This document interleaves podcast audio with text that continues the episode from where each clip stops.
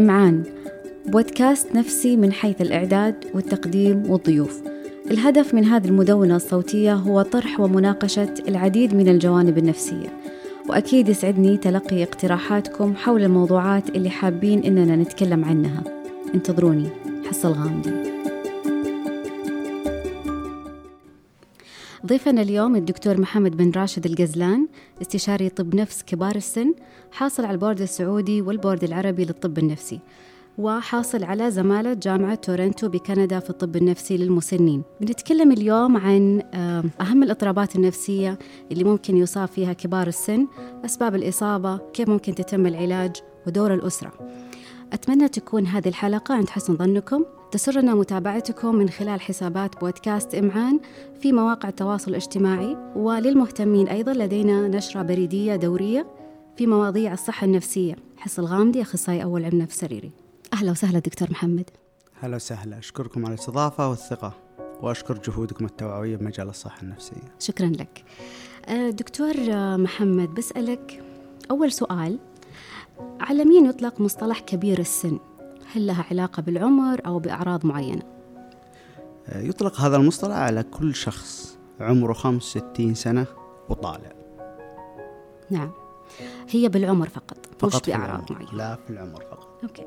طيب خلينا نتعرف على أهم الاضطرابات النفسية اللي ممكن يصاب بها كبير السن. أهمها وأكثرها شيوعا القلق والاكتئاب سواء حدوث أول نوبة بالمرحلة العمرية هذه أو أنها امتداد النوبات في مراحل عمرية سابقة. بالإضافة إلى الأمراض النفسية الأخرى مثل كالفصام اضطراب وجداني ثنائي القطب. لكن بالغالب هذه هي امتداد لإصابة بهذه الأمراض بمراحل عمرية سابقة. لأنه من النادر يتم تشخيص أحد بهذه الأمراض بعد سن 65 لكن ما يميز هذه المرحلة العمرية هو وظائف هو القصور في وظائف الدماغ العليا مثل الذاكرة والإدراك سواء كان هذا قصور طبيعي أو أنه عرض لمرض مثل الخرف بأنواعه. هنا ودي أتكلم مش عن كل مرض بعينه أسبابه علاجه نسبته أشياء زي كذا لكن بعطي بعض الأعراض اللي إذا لاحظها الشخص بنفسه. أو أحد حوله لاحظها فيه فلازم يعرض نفسه على متخصص. أولها التوتر سرعة الغضب. بعض الناس يسميها حرارة أو أنه حار بطبعه أو مثلا مصطلح العام له شبوبه يقولون له. لكن هنا أتكلم عن شيء زاد عن الحد الطبيعي. بالنسبة له أو اللي حوله لاحظوا الشيء هذا. بالإضافة إلى قلق خوف على أشياء ممكن تكون طبيعية مثل على أولاده لكنه يبدأ يقلق بزيادة بحيث أنه يتصل عليهم كل شوي يشيك دائما يتوقع الأسوأ خوف على صحته بشكل زايد. تفسيره لأعراض بسيطة مثل على أنها أمراض خطيرة مثل مثل ضربات القلب تنفس آلام على أنها أمراض خطيرة تجنب النوم لوحده ينام ولازم اللمبة مولعة أو النور والع. عدم الجلوس لوحده وأنه لازم أحد ملازمه طول الوقت. أو عكس الأمور هذه كلها اللي هي انعزالية فقد المتعة بأمور كانت ممتعة بالنسبة له. مثل طلعة مع أخوياه جلسة مع أولاده وأحفاده. ممارسة هواية من هواياته بعض الناس عنده الزراعة بعض الناس عنده الرياضة بعض الناس عنده مثلا حلال يروح له يهتم فيه. فقد هذه المتعة أو قصوره يبدأ ما يستمتع فيها زي أول. آه عدم الاهتمام بالنظافة الشخصية. معلش دكتور بقاطعك بس في الجزئية الأولى اللي هي جزئية القلق يعني عادة يقال يعني الشخص لما يكون عنده إصابة سابقة قبل هذا العمر بالقلق إنه لما يكبر تبدأ تخف الأعراض. فهنا يعني كأنك تشرح إنه لا هي امتداد لإصابات سابقة بالقلق وكذا. في بعض الأمراض القلق إنها مزمنة يعني. ممكن تخف في مراحل معينة مع دواء مع تدخل علاجي أو أنها من نفسها تخف لكن في النهاية لما يجيني أحد عمره 65 سنة وعنده أعراض قلق بالنهاية في الغالب تكون مرتبطة بالقلق السابق يعني أو إنها إصابة جديدة مثلا كان عنده وسواس قهري وقتها والحين عنده قلق عام مثلا. لكن ما هو دليل ما هو دليل. آه، الأمر الآخر اللي هو آه، عدم الاهتمام بالنظافة الشخصية الشكل الخارجي آه، يقل اهتمامه بصحته تناول الأدوية مراجعاته فحوصاته. سرعة الغضب حساسية النقد الزايد تشره كثير أمي تشره كثير أبوي تشره كثير أو شيء زي كذا. إحساسه إنه عاجز أو قل حيله يسمونه بعض الأحيان. آه الإحساس بعدم فاعليته أو قيمته بعائلته أو أنه عبء عليهم أكثر من أنه آه قيمة أو ذا قيمة يعني. آه لدرجة بعض الأحيان يبدأ يتمنى الواحد أنه آه يموت. ليت يموت وارتاح الموت أريح آه ليت ينام آه الكلمات هذه اللي تطلع. آه، اضطراب الشهية سواء زيادة أو نقصان اضطراب النوم سواء زيادة نقصان تقطع النوم عندهم أو إن النوم أغلبه في النهار ويصحى في الليل اللي هو انعكاس الساعة حقت النوم. إلى درجة بعض الأحيان يكون في شكوك وساوس بأشياء آه، غير واقعية هلاوس سمعية بصرية آه، يشم أشياء ما هي ما هي حقيقية يتذوق أشياء ما هي ما هي موجودة. آه، لكن يسمونها بعض الناس يزول له يزول له يشوف أشياء يزول له إن أحد انسرق منه يزول له ان آه، بيدخل البيت أو شيء زي كذا. آه، الأمر الآخر اللي خاص بهالمرحلة العمرية هذه اللي إحنا مثلا كمتخصصين نلقى له بال نلقي له بال يعني ونهتم فيه اللي هو آه، القصور بوظائف الدماغ العليا كالذاكرة الإدراك التركيز الأشياء هذه. لكن في قصور طبيعي نتيجة التقدم في العمر مثل مثلا آه، نسيان أسماء أحفاد الصغار مثلا سنة سنتين آه، خصوصا لما يكون ما شاء الله عددهم كبير مثلا. آه، أسماء عيال الجيران مثلا. لكن ممكن يعرف أشكالهم لكن الأسماء ما يكون مرة حافظة. مثلا بعض المدن مثلا مناسبة صارت مثلا قبل كم يوم أو قبل أسبوع ممكن ينسى التفاصيل فيها مثلا وش حطوا على الأكل من قابل هناك خصوصا الناس البعيدين. هذا في الغالب شيء طبيعي يعني مع العمر ممكن يجي آه، لكن آه، مثلا آه، خصوصا لما نتكلم هنا عن الناس اللي أكبر من 75 سنة يعني نتكلم من 65 إلى 74 هذه فئة وأكثر من 75 هذه فئة ثانية. يعني آه، مثل القصور هذا طبيعي لأنه مثل لما تيجي الواحد آه، تقارن واحد عمره مثلا 30 سنة بالركض وحمل الثقل بواحد عمره 70 سنة. أكيد بيكون أقل. نفس وظائف الدماغ سرعة العمليات الحسابية سرعة المعلومات تقل مع العمر. آه، لكن في شيء طبيعي وفي شيء يكون دلالة على وجود مرض. ممكن مع الوقت الدليل ذلك إنه تلقى إنه مع الوقت يزود. أه تأثر على وظيفة الشخص وحياته بشكل عام. أه فالخرف كمرض بأنواعه له أعراض. أهمه صعوبة تخزين المعلومات وتعلم معلومة جديدة وحفظه. مثل مثلا تبدأ تلاحظ الواحد يكرر الأسئلة. وين فلان؟ وين فلان؟ وين فلان؟ يبدأ يكرر نفس السواليف والقصص. يقول نفس القصة وبعد شوي يقول نفسه. آه نسيان أحداث جديدة. مثلا ينسى إنه اكل قبل شوي. ينسى إنه زار ولده قبل أمس. آه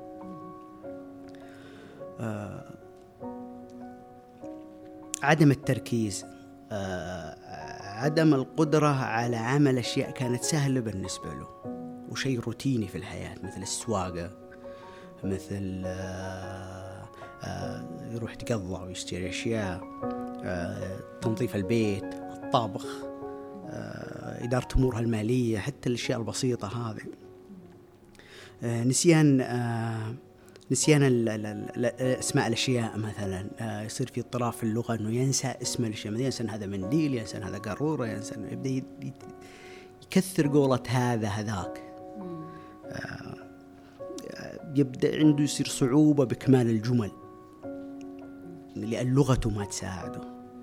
آه، بنفس الوقت قدرته على القراءة قدرته على الكتابة كلها يكون فيها قصور وأخطاء. آه، يبدأ مثلا الوضوء يلخبط فيه صلاة يبدأ يلخبط فيها. وهنا هنا تعتمد على نوعية الخرف وش اللي مصاب فيها المريض. بنفس الوقت آه، درجته هل هو بسيط متوسط ولا شديد. آه، لكن ما يهمني أنا النوعية هنا لكن إذا أحد لاحظ الأعراض هذه لازم يروح المختص. بالإضافة إلى بدي يضيع آه، عدم إدراكه للزمان للمكان للأشخاص والأشخاص البعيدين ثم كمان يقربون يقربون يقربون يبدي يضيع عياله نفسهم. يبدي يضيع الأماكن. آه سواء أماكن جديدة ما يعرف يروح لها أو الأماكن اللي دائما يروح المسجد يروح ويجي آه يضيع داخل البيت في مراحل متقدمة يبدأ ما يعرف وين دورة المياه من المطبخ من الغرفة. بعض الأحيان يكون هذه ضلالات. آه لكن إنه في أحد أخذ منه سرقه حد بيدخل البيت أشياء زي كذا الشغاله ما أدري إيش سوت السواق ما أدري إيش سوى لكن في بعض الأحيان يكون لا نتيجة خلل في الذاكرة أنه وضع شيء في مكان ونساه وبالنهاية يحس أنه في أحد أخذه منه. آه، بالإضافة إلى تقلب المزاج والتصرفات آه، آه، والسلوك مثل تصرفات غير منضبطة مثلا أو خادشة للحياة بأماكن عامة تلفظ بكلام بذيء أو فاحش. يبدون يقولون آه، مثلا عياله مثلا انه بدا ما يستحي أو ما تستحي يعني الكلمة اللي وده تقولها تقولها من دون أخذ اعتبار الأمور الاجتماعية. آه، بالإضافة إذا في مرض اسمه الهذيان وهذا في الغالب تغير حاد ومفاجئ ومتقلب بالوعي دائما تلقى المريض دايخ أو نايم فجأة يعني مع اضطراب الإدراك للزمان والمكان والأشخاص لكن في الغالب هذا ما له علاقة في الخرف آه، يكون سببه عضوي وطارئ زي التهاب آه، في الصدر التهاب في البول آه، الجهاز الهضمي جفاف إلى آخره وهي حالة طارئة يلزم الذهاب لأقرب طوارئ للكشف والتشخيص والعلاج وفي الغالب تتحسن الحالة مع زوال السبب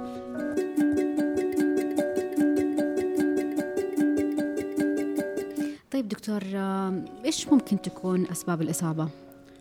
أسباب الإصابة مثلها مثل أغلب الأمراض. ما في سبب واحد أقدر أحط إصبعي عليه وأقول هذا السبب.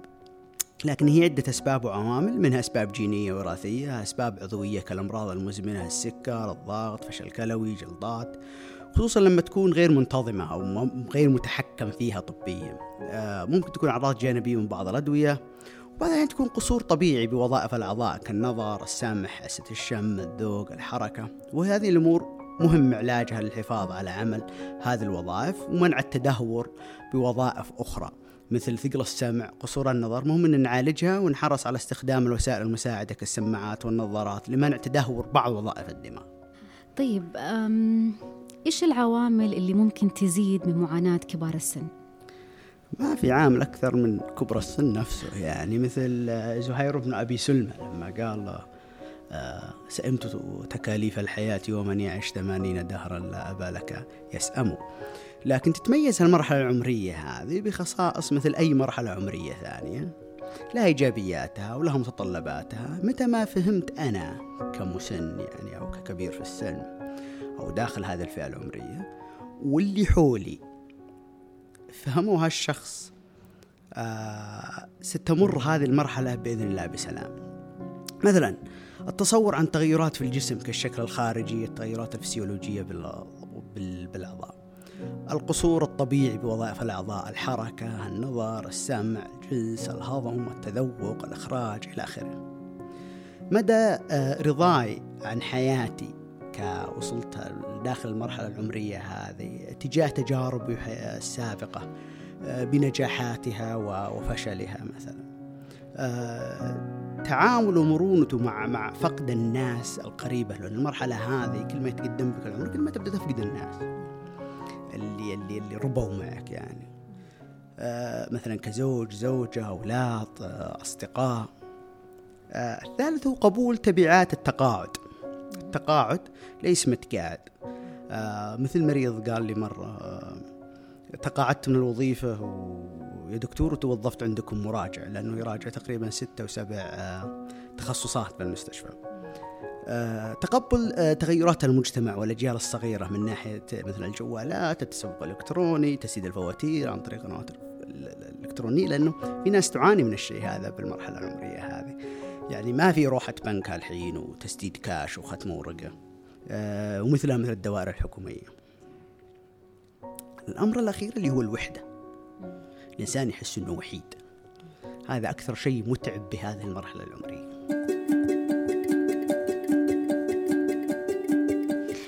طيب كيف بخصوص العلاج؟ العلاج. أول شيء العرض على مختص للتشخيص وعمل الفحوصات ثم تقرير العلاج سواء غير دوائي آه، بالجلسات النفسية والاستشارات آه، أو دوائي. آه، الحالة المناسب للحالة مثلا. في شيء عن طريق الفم أوبر وفي شيء لزقات للجلد وفي بعض الأحيان يحتاج المريض إلى تنويم لأغراض تشخيصية أو علاجية. لكن الهدف من العلاج هو لازم المريض وأهله يفهمون الشيء هذا. ان الهدف من العلاج هو تحسين جودة حياة المريض ومن حوله. سواء بعض الأمراض فيها شفاء بعض الأمراض إيقاف تدهور الحالة بعض الأحيان يكون إبطاء تدهور الحاله حالة متدهور متدهور بس إحنا نبطي الموضوع هذا. الأمر الأخير اللي هو أهم شيء اللي هو الرياضة. وخصوصا الرياضات اللي فيها حركة مشي سباحة سويدي. لأنه هو الشيء الوحيد اللي أثبت علميا أنها تزيد من حجم الدماغ اللي هو عن طريق زيادة الموصلات آه، العصبية. فإذا زادت عدد الموصلات وزاد حجم الدماغ تؤدي إلى زيادة سرعة الوظائف هذه بدل مثل منطقة ذي منطقة ألف منطقة باء بينها ثلاثين ألف موصل عصبي. هنا نتكلم هنا عن أربعين ألف موصل عصبي أو خمسين ألف موصل عصبي. إلى فزيادة سرعة وظائف الدماغ وتقليل تلف الدماغ الناتج عن زيادة العمر. فأنا عندي حجم كبير للدماغ فالتلف بياخذ فترة أطول. طيب التمارين هذه ننصح فيها. بعضهم ممكن يقول أنا ما أقدر أصلح أنا أصلا عمري ما كنت أعمل تمارين مثلا أو كذا فكيف حأعملها الآن؟ كيف ممكن نقنعه ما في عمر معين نقول الواحد يوقف تمارين فيه أو عمر معين نقول لازم تبدأ فيه. ابدأ من اليوم يعني هذه النصيحة يعني. وقليل آه، للتمارين التمارين قليلة للدماغ كويسة لكن كل ما زادت كل ما صار أفضل. نعم. آه، لأن بعض الناس يتكلم عن آه، طعام ومكسرات وما أدري كيف وما أدري كيف. ما في شيء مثبت من الموضوع هذا ايا يكن. في أشياء ممكن إنها تساعد وفي أبحاث إنها تقول إنها تساعد لكن ما في شيء مثبت زي التمارين الرياضية. التمارين الرياضية مثبتة هذه يعني.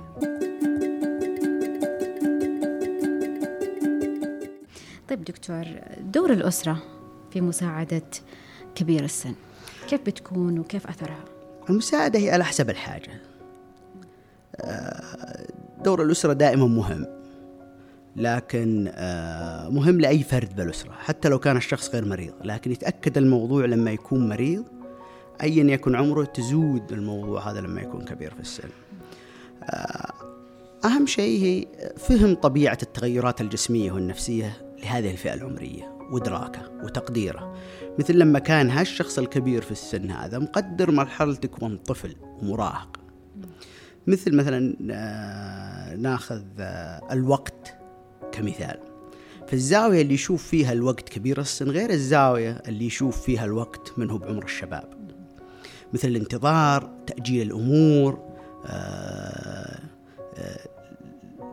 بعض الأحيان يكون كارثي بالنسبة لكبير السن لأن بالنهاية أنا عمري ما هو زي مثلا عمرك والعمر بيد الله لكن إحنا نتكلم عن رؤيته هو زاويته هو رؤيته مثل أبسط شيء الوقت يعني. آه، قس عليها التحمل القدرة الجسدية لما مثلا تسافر أنت وياه وتروح أنت وياه وتأخذ مشوار تطلب منه آه، بعض الأعمال آه، كبير السن لا يعاني نقص ذكاء أو أنه ما يستوعب أو عنده قصر بالإدراك. أو الحكم على الأمور. فيلزم احترام رغباته الشخصية. من أكل شرب لبس سفر روحة وجاية شيء. آخر هو لاحظوا إحنا في المجال هو إخفاء بعض الأمور اللي تخصه. مثل مثل بعض الأمور مالية أمور طبية وأخذ القرارات عنه بالأمور هذه من دون الرجوع له. آه بعض الناس يحسبها مساعدة آه لكنها في النهاية تهز آه ثقته بنفسه. إغراقه بمشاكلك أنت كابن أو كابن أو زي كذا وكثرة شكي تزيد معاناته وقلقه.